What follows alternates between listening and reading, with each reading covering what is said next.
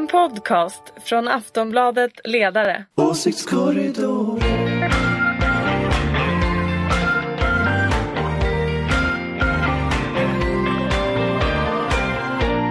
Välkomna till Åsiktskorridoren! Det är så roligt att vi, eller att ni är tillbaka. Särskilt, Äntligen! Mhm, så ska det låta. Och det här var Ulrika Schenström som Yes, talade. yes. The token moderat i gänget. Jajamän, äntligen någon sån också. En riktig sådan. Äntligen! Äntligen. Du, du har varit här i två år nu. Så. Jag vet. Gammel, Jag gammel känner att jag moderat. blir mer och mer. Ja, du är ju då nya Moderaterna.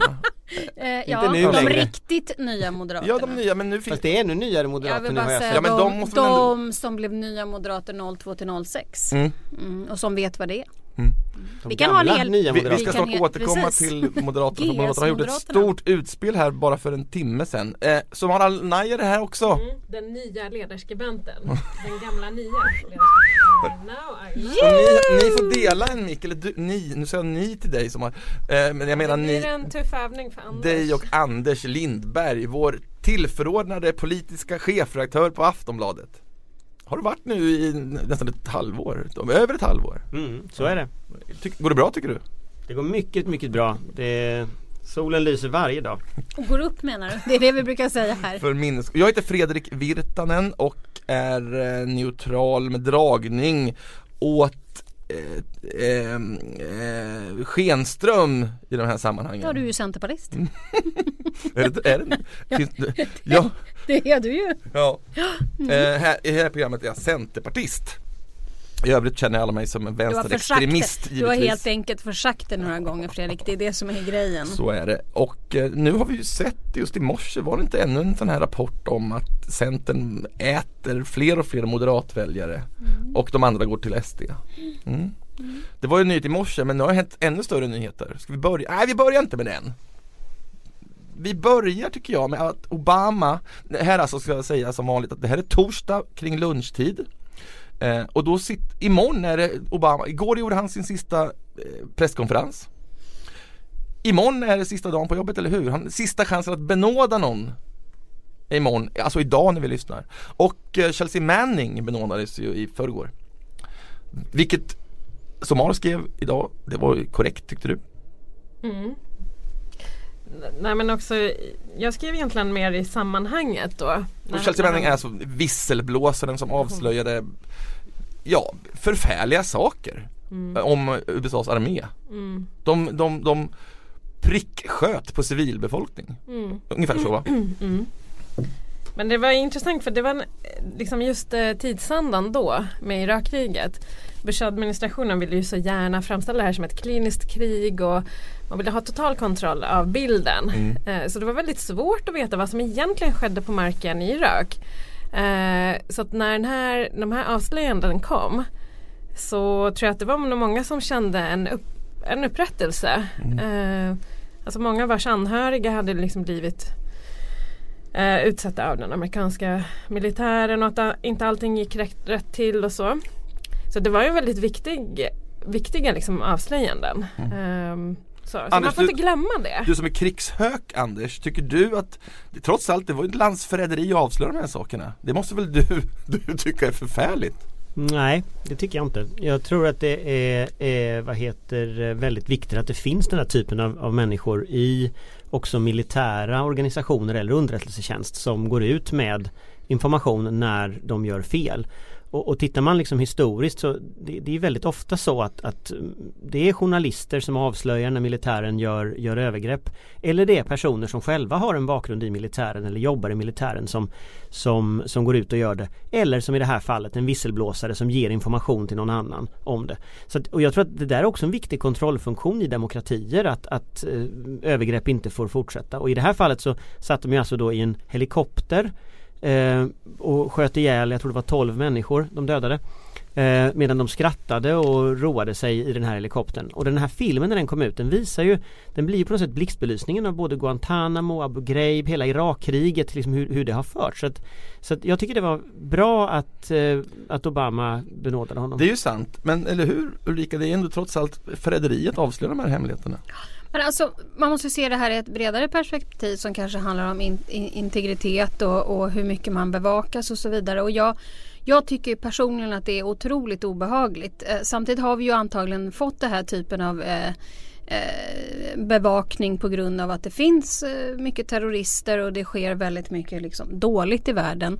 Samtidigt så måste ju också människor inse och man måste ju få få ha sin privata sfär även om vi antagligen bevakas. Här inne kanske också i direktsändning. Jag ser att den där skärmen står uppe där. Det kan ju vara en kamera där i. Ja. Och vi kan ju liksom ses och kanske inte alls bara i en podd utan vi kanske helt enkelt spelas in någonstans. Who knows? Och, och eh, om det bara används i att leta efter terrorister så är ju det fine. Men om det används fel och av fel personer så kan det ju förstöra väldigt många personers liv. Men då är vi inne på Edward Snowden faktiskt. Eh, eh, ja, borde inte han benådas? Han borde ju benådas. Obamas sista dag. Alltså Har ni sett, har ni sett filmen förresten? Eh, Ja, jag har sett halva. Ja, av Oliver Stone. Mm, den är den är kul. Det var inte så att jag stannade halva för att den var dålig utan för att jag hann Däckade. inte. Mm. Ja faktiskt. Ja, men vinare. Nej, Och inte choklad så. i den andra. Och choklad i den andra. Nej, men eh, jag kände att jag kanske skulle se resten idag. Mm, trevligt för dig. Ja, men eh, kommer han göra det tror jag? Tror ni? Han har ju ändå tid på sig i alla fall när vi spelar in det här.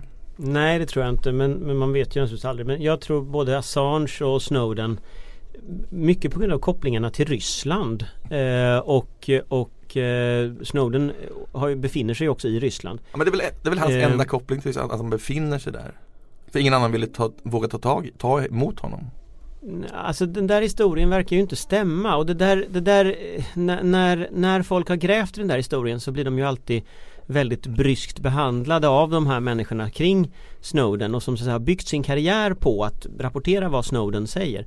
Eh, Men samtidigt så, så verkar det ändå vara Det finns ändå ett ganska stort antal frågetecken och det stora frågetecknet är ju var, varför är han i Ryssland under så lång tid och vad är det som gör att den här situationen har uppstått när både Assange Wikileaks som ju är mycket centrum i detta och Snowden hela tiden verkar ha en koppling till den ryska Varför eh, kladdar du- säkerhetsmaskinen. Varför kladdar du ihop Snowden med Assange? Det är ju inte riktigt hederligt. Jo det är i högsta grad hederligt. Eh, det var Wikileaks som hjälpte Snowden. Ja. men det var Wikileaks som hjälpte Snowden. Eh, och det är också Wikileaks som har stått mycket i centrum för hur man har spridit ut den här typen av information. Att det är både Wikileaks men det är också ett antal redaktioner. Och jag tänkte väl när den här informationen om Snowden kom ut, jag tyckte det var ganska kul, eh, måste jag erkänna. Eh, kul att få en inblick i liksom, den amerikanska säkerhetsapparaten. Samtidigt så blir man ju lite misstänksam efter det amerikanska presidentvalet när så uppenbart Wikileaks har använts i liksom valkampanjen för Donald Trump och så. Och jag väntar ju bara på att samma typ av grupper nu kommer att användas i det tyska valet och franska valet för de högerextrema partierna som är där. Så Och, och, och det, och det tycker jag som lämnar en då- ganska taskig och det som eftersmak för då hela historien. Anders kan vara bra att det har hänt det är ju att man kan ju hoppas att människor eh, då har sett det här och att man inte tar varje nyhet på, på blodigaste allvar. Jag tror att det här är väldigt allvarligt när det gäller den integritet som vi alla skulle vilja ha i vår sfär eh, oavsett vem vi är. Eh, men jag kan säga så här att jag tror ju att alltså, om man har den om man har den bakgrunden till varför man gör vissa saker så finns det hedersvärda eh, orsaker. äh, finns det faktiskt hedersvärda eh, saker som kommer ut utav detta. Att man, att man ser att det är så här stater begrepp. För jag tror inte att det bara är amerikanska USA som gör det här utan jag tror att alla, alla bevakar på det här sättet. Man liksom tar i klump på något sätt och inte bara väljer ut eller så. Tror jag. Eh, vad vet jag å andra sidan. Men det som jag tror kan vara dåligt med, det- med det som har hänt det är ju att folk blir nervösa över nätet. Man blir stressad över vad man har skrivit hit eller dit. Det kommer ju sluta med att vi får helt enkelt ses i en park och ha och, och, och eh, lämna alla våra mobiler och såna här grejer. Jag såg i Snowden-filmen lämnade han ju in telefonen i en mikrovågsugn för att det inte skulle kunna Vi sitter här med de här. Jag vet att på 10 Downing Street eh, i, i London så måste eh, statsråden och ministrarna lämna in telefonerna i ett speciellt rum innan de går in på mötet och sådär. Eh, till slut så kommer vi ju eh, kanske att ses i parker och lämna lappar till varandra som vi kan bränna upp som i de här eh, Tom Cruise-filmerna. Ja. Eh, Och vi skrattar åt det men det är Ja. ju nästan, nästan häst och vagn man kan göra för du kan ju inte åka taxi va? För betalar du med kort då kommer ju taxin Ja, och det finns en kamera i, finns i en taxin i för tiden taxi. Så, så, så att jag menar Men allt det här avslöjar ju Snowden och eh, det här måste väl han anses vara en hjälte för? Alltså, jag, jag, Eller i alla fall inte sagt, vara en stor det. Nej, men jag, jag, jag tyckte det men samtidigt så tror jag att det finns en poäng i efter det amerikanska valet att man också funderar igenom eh, hur mycket av de här historierna som vi har blivit serverade som faktiskt är sanna.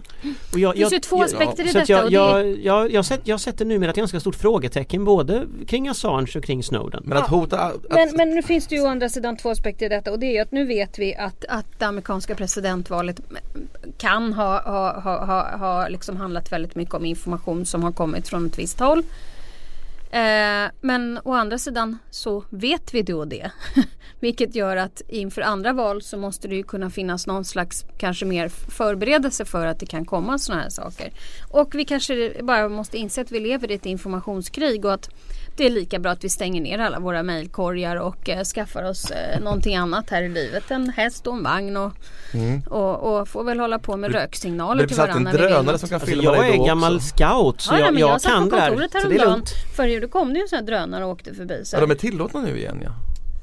Nej de. Ja jag tror det. Jag tror just vi Ja, murvlar klagade på att vi inte kunde filma små trevliga eh, mysiga flygbilder och sånt. Men det finns ju i och för sig en logik i det att tidningar ska kunna filma. Däremot så är jag lite tveksam till det här med att privatpersoner kan gå och filma in i varandras badrum. Att Ja. det, det var liksom syftet med det här. Det, det kan jag säga att Nej men grejen är att förr gjorde ju, fanns ju det här informationskriget också. Det är bara att det gick ju inte riktigt lika snabbt och det går inte riktigt att göra exakt samma typer av bevakning med en vanlig kamera. Ja, vi måste gå vidare jag nu. tror, ju att, jag tror ju att det svenska valet, jag tror vi kommer att se i tyska valet nu, eller vi ser redan i tyska valet hur den här typen av saker som hände i USA, alltså att man går in, stjäl information och så placerar man ut dem lagom strategiskt för att sabba för folk. Det tror jag kommer Ja, att ske Anders. även i det svenska valet. Men man kan inte kleta ihop alla som är samhällsfiender med Ryssland och Snowden är här, jag vet, du syftar på någon ra- rapport som kom före jul eller hur va? Det det bilden Nej jag syftar, bara på att, jag syftar bara på att han bor i Moskva och att vad han har gjort det under ganska lång Vad tid. ska han ta vägen då? Alltså jag är ju en, jag är ju en ganska varm anhängare av det här med att, att, att man, man eh, lite berättar hela historien från början. Och jag tycker ju att den historien som han berättade från början och den historia som Assange berättar, de här hjältehistorierna Jag tycker inte de över tid verkar hålla. Och tittar man på just valet i USA, det som hände där Det är ju så att säga en, en återupprepning av precis samma historia. Någon går in i nätverk, någon stjäl information, någon släpper ut den. Och det verkar ju hela tiden vara så att det är ryska intressen som, som, som driver det här om man tittar på Wikileaks nu på senare tid. Och, och jag tycker att det gör att man också måste ifrågasätta liksom hela historien, man måste fundera på om den verkligen stämmer. Okej, nu, nu, Men det är en otroligt spännande fråga. Nästan vi borde ha en specialpodd bara om Mm. Ja, detta. om Förlåt, övervak- jag ska övervakningssamhället kanske säga och sånt här och innan. men till börja med kan ni börja med, vi vi kan ta det nästa vecka, titta på filmen, det är ju en underhållningsfilm men jag ger den starka 3 plus ändå. Mm, så det kan Ja. ni roa er Men- med under helgen. men kanske den Snowden skulle- heter den alltså. Ja, men den kanske skulle vara lite mer, jag vet inte, den är lite långsam.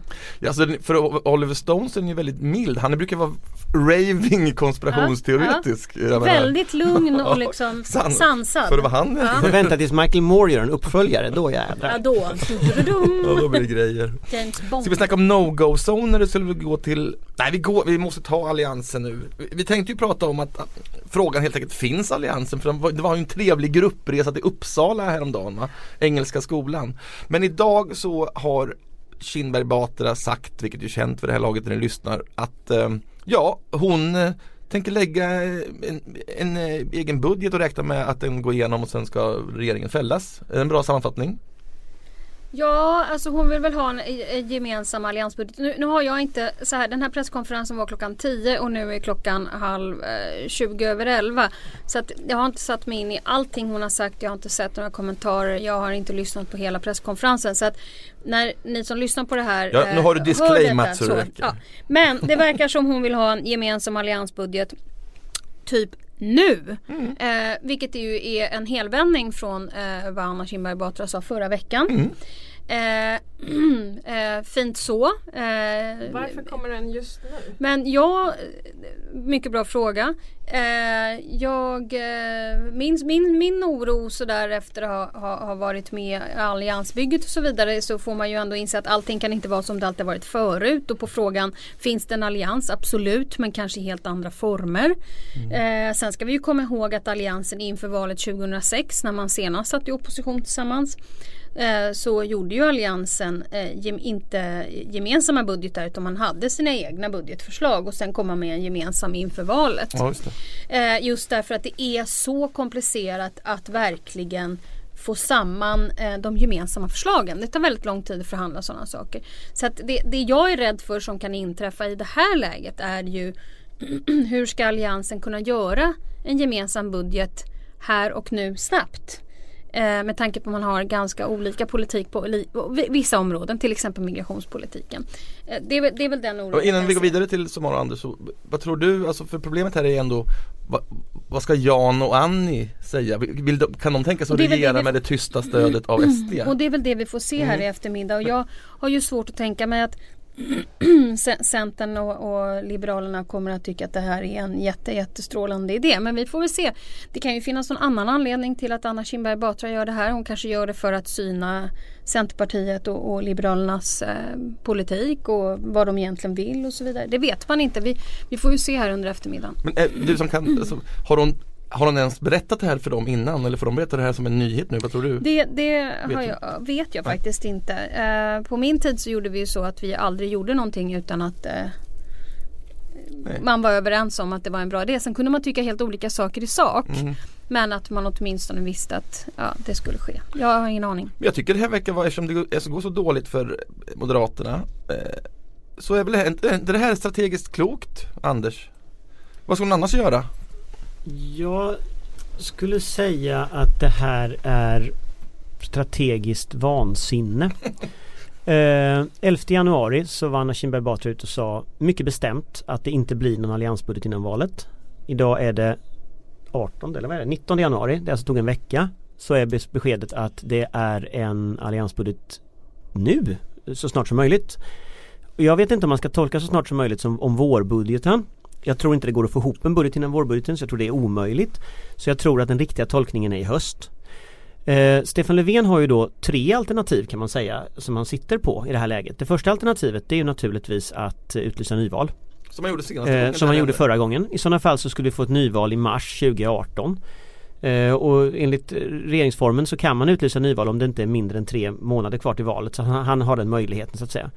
Det andra alternativet är att sitta kvar som han gjorde och eh, kanske då vänta på ett misstroendevotum till exempel från Alliansen. Då drar det ut tiden ytterligare. Eh, och det tredje han kan göra det är väl att han, han helt enkelt då avgår och lämnar över makten. Om Redan jag... nu alltså? Nej men då. Ja. Om jag var Stefan Löfven så skulle jag ju kraftigt överväga möjligheten till nyval därför att skulle man pröva nyvals eller extraval då som det heter formellt då, då testas ju dels eh, Anna Kinberg Batras roll som största eh, oppositionsparti, största borgerliga parti och dels testar man ju KDs plats i riksdagen. Så, att, så jag skulle säga att, att i det läget ut, gå, gå till val som Anna Kinberg Batra då uppenbarligen måste vara beredd att göra för det är lite så här, kan man släppt ut tandkrämen ur tuben så måste man få in den igen. Eh, det är väldigt konstigt. Därför att hon sätter ju också sin egen position på spel. Nu precis så är det, annars så är det ju presskonferens med Annie Lööf. Så då får vi se om det Ja hon, hon det var det jag vinkade Överlever så att säga 11.30 har ja. om presskonferens Nej, men det är presskonferens och, exakt just nu Och Liberalerna har ju då eh, sagt att de hänvisar till sin gruppledare i eftermiddag Så båda de beskeden kom innan dess mm. Men jag antar att Anna Kinberg Batras besked handlar om att hon ska försöka få ihop en budget eh, Och det krävs ju rätt många för att dansa den dansen Eh, det är precis som, som eh, Ulrika säger också att du måste ju faktiskt ha substans i budgeten. Till exempel om det nu är höstbudgeten då kommer ju migration, pengarna till migrationspolitiken till exempel och ligga i den. Så att alltså jag skulle säga att det är strategiskt vansinne att göra så här, att vända på så kort tid. Samtidigt hon kanske är utmanad internt och att hon inte klarar det längre, är väl gissningen. Ja, alltså ja ja, alltså nej, men jag bara tänker på vad Anders säger för att det, det Anders säger inte, inte uh, oavsett om vi har, det, det, här handlar ju liksom om partistrategi och det har ju inte egentligen någonting med sakinnehållet att göra. Det, det är inte helt, uh, helt fel den analysen som man skulle kunna göra nu. Ryan Reynolds here from Mint Mobile. With the price of just about everything going up during inflation, we thought we'd bring our prices down. So to help us, we brought in a reverse auctioneer, which is apparently a thing. Mint Mobile unlimited premium wireless. Ready to get 30, 30, bit to get 30, bit to get 20, 20, 20, bit to get 20, 20, bit to get 15, 15, 15, 15 just 15 bucks a month. So, Give it a try at mintmobile.com/switch. slash $45 up front for 3 months plus taxes and fees. Promo for new customers for limited time. Unlimited more than 40 gigabytes per month slows. Full terms at mintmobile.com. även jag skulle kunna göra. Men det eh, jag tror att det är jättesvårt att göra en analys av det här. Vad jag, vad jag som, som moderat kan bli orolig över så får vi hoppas att när ni som lyssnar på det här har sett någonting annat som är moderater. Eh, och, och det är ju det är att, att medialogiken ofta gör det till splittring eller inte splittring och så vidare. Och det är ju, det är ju eh, tyvärr något som i så fall Socialdemokraterna kommer vinna på och Sverigedemokraterna om jag ska vara ärlig. Men man måste väl säga att det här är ju ett paradigmskifte. Hon säger ju nu att nu är vi beredda att regera med SD-stöd. Något, något, annat sätt går inte att tolka det på. Hon, jag tror hon fick den frågan och jag vet inte hur hon svarade på den. Hon räknar, måste ju räkna med att de ska stötta deras budget och det, kommer, det har de jag tror hon sa göra. någonting på temat att eh, jag behöver inte tycka om alla partier. Eh, Alltså i, i, i, hennes, i hennes artikel som ju är en debattartikel i Aftonbladet som grundlägger detta eh, så säger hon ju att hon kan liksom inte, eller det hon gör är egentligen att hon tvår sina händer. Hon kan inte hjälpa liksom vilka andra partier som röstar på hennes budget. Det tycker jag i grunden är ett hederligt resonemang därför att det, det, det är någonting som har funnits ända sedan Reinfeldts andra regering att, att, att man kan faktiskt inte hjälpa hur Sverigedemokraterna röstar. Man måste ändå kunna driva sin politik. Det unika här det är ju att genom att ta fram en gemensam alliansbudget då är syftet att med SDs röster fälla regeringen. Och eftersom man också ska göra det under en period, nuvarande perioden, där faktiskt alliansen är mindre än de rödgröna så ska man alltså ha ett aktivt stöd av SD i alla blockskiljande voteringar. Och det innebär att man gör precis det som Jan Björklund lovade att man inte skulle göra, nämligen ta aktivt stöd av SD. Mm. Eh, så att, så att det är en det är ett paradigmskifte. Om, det, om de andra idag ger besked om att det är okej, okay, om det här går vidare. Då är idag ett paradigmskifte i svensk politik. Det kommer man inte ifrån. Därför att då har vi så att säga en rödgrönt block och vi har ett blåbrunt jag vill inte säga ett block, någon slags konstigt regeringsunderlag som jag inte riktigt vet vad det är. Ja, vi får se hur det här utkristalliseras. Vi lär väl få någon slags Borde vi inte få någon slags um, Det kommer någon flash alert om Annie flash här snart, vi får eh, tala om vidare. Annie. Men Somar, vad tycker du? Men jag, det här är ju tecken på att Moderaterna inte har kunnat få konflikten att handla om höger-vänster och de har inte lyckats få politiken att vara liksom på deras planhalva. Mm. Så det som händer nu är ju också att man bekräftar SD, SDs liksom världsbild, SDs eh, val av politiska frågor och man gör dem vi, ännu viktigare än vad de är. Eh, och det tycker jag är den stora faran och eh, oron för vad ska SD ställa för krav på det här eh, samarbetet. Alltså vad kommer de att få in och, eh, för politiska förslag. Så att det, på det sättet är det ju en paradigmskifte. Fast det har det varit länge, men jag håller med dig. Men det har ju varit det länge. Nu säger Centerpartiet vill inte fälla regeringen.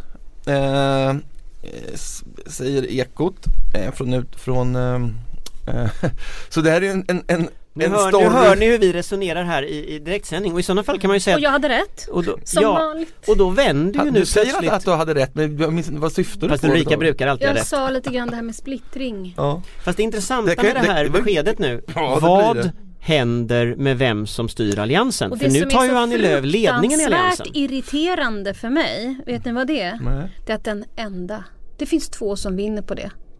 Den ena heter Anders Lindbergs parti Socialdemokraterna som äntligen kan sitta och bara så här. Allting är som före 2002. Borgerligheten de kan aldrig göra upp. Så är det. Hon kanske borde kollat med Annie innan hon gick ut med det här. tycker man. Ja, Eh, jag- vi, vi direkt Jag måste bara säga att det här är, har ju en negativ effekt för S också därför att, därför att om, om Sverigedemokraterna framstår som det parti som alla vill, eller ja, som högern vill regera med eh, och de kan bli ja, men, största parti eventuellt i nästa val eh, eller hur det nu blir, då är det ett stort problem. Då blir ju även S förlorarna. Alltså jag, det finns ju en risk för det att S också krymper av det här. Vi, vi, vi, vi pausar den här frågan för det kommer hända Får- Får mer. jag bara vända till din ursprungliga fråga? Du sa, ställ, börja ställa frågan, finns alliansen? Ja. Det kan vara så att idag 11.30 dog alliansen. För när Annie Lööf så här tydligt sågar det som skulle föreställa en regeringsbildare i liksom realtid här. Men- men det är inte bara vi som sitter här och är helt förvirrade liksom. Alltså, Det finns en risk Anders men vet du vad det också finns om man nu Chans- ska vara det chans finns också Jag skulle säga ja, chans, det, jag förstår det men jag sitter på andra sidan bordet här med Alltså, förlåt, center, förlåt, förlåt. Centerpartisten Mm. eh, Virtanen. Jag, jag eh, finns ju också en, en chans för alliansen och det är att det äntligen blir fokus på alliansen.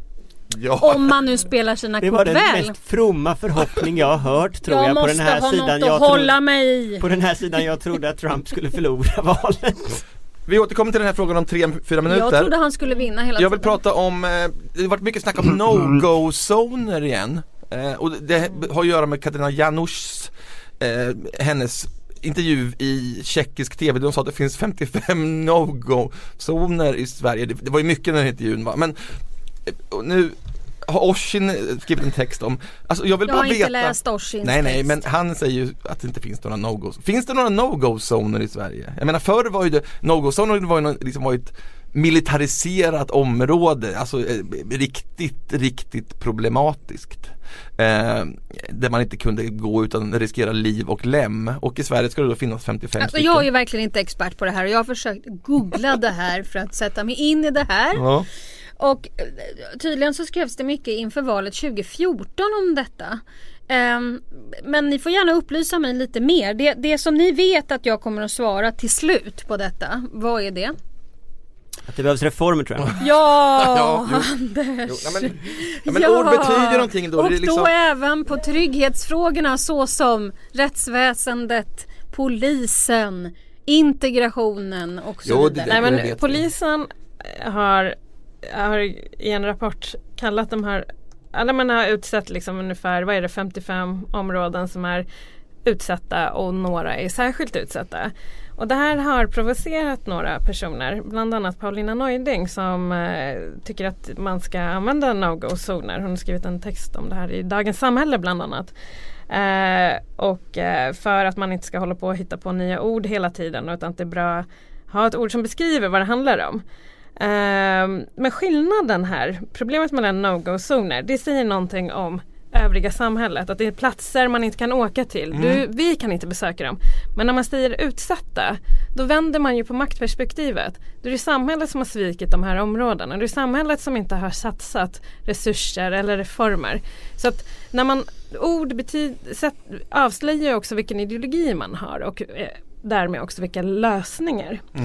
Ehm, ja, så det är därför jag tycker det är intressant med den här eh, folk som försöker liksom vända på det här istället för att säga utsatta så ska man säga no-go-zoner. Därför är det en viktig diskussion egentligen. Ja men exakt, jag, jag egentligen att vi, att vi har en anledning. Jag tycker också att det, alltså, jag, det, alltså en no-go-zone signalerar för mig att oj jag kan inte åka till Rinkeby för då kan jag bli ihjälslagen. Och här, jag minns ju när jag bodde i New York Delar av Brooklyn tyckte jag var läskig att åka till, alltså yttre Park Slope-trakter och sånt. Och där var det rätt farligt liksom. Och, och när, jag, när jag är i en Stockholmsförort upplever inte, det finns inte, inte i närheten, eller en fransk förort eller vad som helst. Så uttrycket är ju faktiskt tyder, kan, man kan det tyda på att vi har en enorm liksom, trygghet och välfärd trots allt i det här landet. Liksom. Jag tror att svenskar är väldigt trygga. Vi, alltså du vet. Fast Debatten låter ju som att vi, Jo men ja, jag tror vet, att alltså, rent allting. nästan ligger i vårt DNA att vara trygga. Bara du kommer utanför eh, Ja jag kommer ju från Stockholms innerstad då men, men bara kommer det hem inte till mina för. svärföräldrar i Årgäng och sådär. Det är ju ingen som låser dörren. Alltså- Överhuvudtaget. Eh, det där sitter nog i min mans DNA när han kommer hem. Då låser inte han heller dörren. Jag springer iväg och bara Vet- Det är sånt man inte säger i en podd bara. Men det är du Ja. Trygg får han låsa dörren. Ja men de är ju hemma, hallå kom ihåg. Det är inte så att de är bortresta på semester. Nej. Men alltså jag, jag Men det här varit- gäller ju landet, det, det, alltså exemplet tas ju alltid i de otäcka förorterna. De här som nästan ingen är i. De bara sitter, och, sitter i Bromma i någon Men det, fin det, villa Vadå och tycker inte det är... ej? De, det bor massa människor där. Alltså det, Ja. det, det är ju det här som är som paradoxen tycker jag. Alltså, jag har varit i tre riktiga no-go-zoner i, i, mitt, i mitt liv. Jag har funderat lite på dem så att säga. En, en var i Zimbabwe. Det fanns inga vägar utan det var lera och den var- som var våran guide där fick prata med The Big Men hette de. Det var de som liksom styrde den där, eh, den där, eh, det där stället. Eh, för att vi skulle kunna vara där trygga då och gå runt. Och där hade staten bokstavligen dragit sig tillbaka. Det var det andra krafter som fanns. Eh, Det fanns inga hus utan det var skjul eh, men det bodde ju tusentals människor i de här områdena. Där kunde polisen inte ta sig och det var ändå Zimbabwes polis som var en ganska tuff polis så att säga då. Jag har varit i Burma i en sån här eh, industrial zone som då utanför sig upprättade sådana no-go-zoner och det var samma sak där att liksom det var kriminella nätverk som hade tagit över, det var anarki. Jag har varit i Gaza, där var det Hamas som har tagit över. Man var tvungen att ha belägg för sådär, Ja, men vi vet saker. ju det här, Nej men jag tycker det här är viktigt. Därför att när du pratar om no-go-zoner då pratar du om Irak, du pratar om Hamas, du pratar om, om, om den typen av strukturer som går in i de här områdena. Eh, när du åker till Husby som ju då är de värsta på den där listan som polisen har eller, eller eh, Hisingen eller något sånt där. Då är det inte som i Zimbabwe. Nej. Och när man kommer dragandes med den här typen av ord då gör man språket helt meningslöst. Det blir liksom bara fjantigt. Det, är ju som, det, är, det gör tyvärr vi journalister ofta, att vi pratar om politiska krig eller vi pratar om såna här saker. Men någonstans så blir ju språket bara, det blir bara gegga kvar. Ja, men eller också tycker de här livrädda högerpersonerna att det är så här? Jo fast det, det är inte, det, det, nej, nu har vi lämnat gräns, nu har vi så överträtt gränsen mellan fakta till fiktion. Nu är det skönlitteratur vi pratar om. Ja. Det är inte verklighet. Och det är bara att ta tunnelbanan till de här områdena, gå upp ur tunnelbanan och upptäcka att oj, det här är inte verkligheten. Och problem, problemet här då blir ju att, att de, de, eh, vad heter det, de riktiga problem som finns, de diskuterar man inte. Utan istället håller man på med sånt här högerpopulistiskt trams. Vilket ju innebär att de människor som bor inte får den, det stöd och, och så som de behöver. Bra Anders! Jag tror Så inte, ska det låta. Jag tror inte att folk in, som använder ordet no-go zoner inte har varit i förorten. Jag, vet, jag tror att de vet mycket väl att det inte är några egentliga eh, no-go zoner. Men det är det som är min Eh, fråga. men det, men det, det som, återigen, det handlar liksom om det politiska innehållet i de här orden. No-go-zoner, då är det laglöshet, ingen idé. Det här är något som eh, det bara är. Medan utsatta innebär att det är, det är samhället som har utsatt de här förorterna för, ja, Ulrika, varför är högern så dum? Vadå varför är högern så dum? Nej, men varför är de så vilken, dum? vilken konstig fråga. Ja men varför kallar de det no-go-zoner? det Är det en verkligen högern som kallar det för, är det inte, inte det väldigt säkert någon- yt- ytterliberaler skulle jag vilja kalla det för. De är väl inte så mycket höger. Du får, alltså vi måste gå i en skola och prata om det här. Vad som är konservatism och liberalkonservatism, socialliberalism, nyliberalism. Ja men det är väl ändå högern i vid Nej, mening? Nej, det kan jag inte kalla det för. Nej då tar vi ett, Vi ett får specialavsnitt om specialavsnitt detta. om hur det är. Så kan vi flytta olika personer om var de är någonstans. Ja, så vi, nu får man inte ens kalla Din- högern din- för högern Din center-vänster är en väldigt udda kombo faktiskt. Ja, ja. Men jag är, det är Och galta- bakom- och- Har inte du förstått att jag är på galtanskalan, inte på höger-vänster-skalan? Men, men jag skulle, alltså jag skulle dö om jag bodde i Husby nu och eh, hörde om den här debatten. Eh, Antagligen. jag, jag bor liksom i en annan förort som, och som det är egentligen toppar statistiken när det gäller alkoholism och en massa andra problem men det pratar vi inte om. En sån här klassisk eh, vit arbetarklassförort liksom.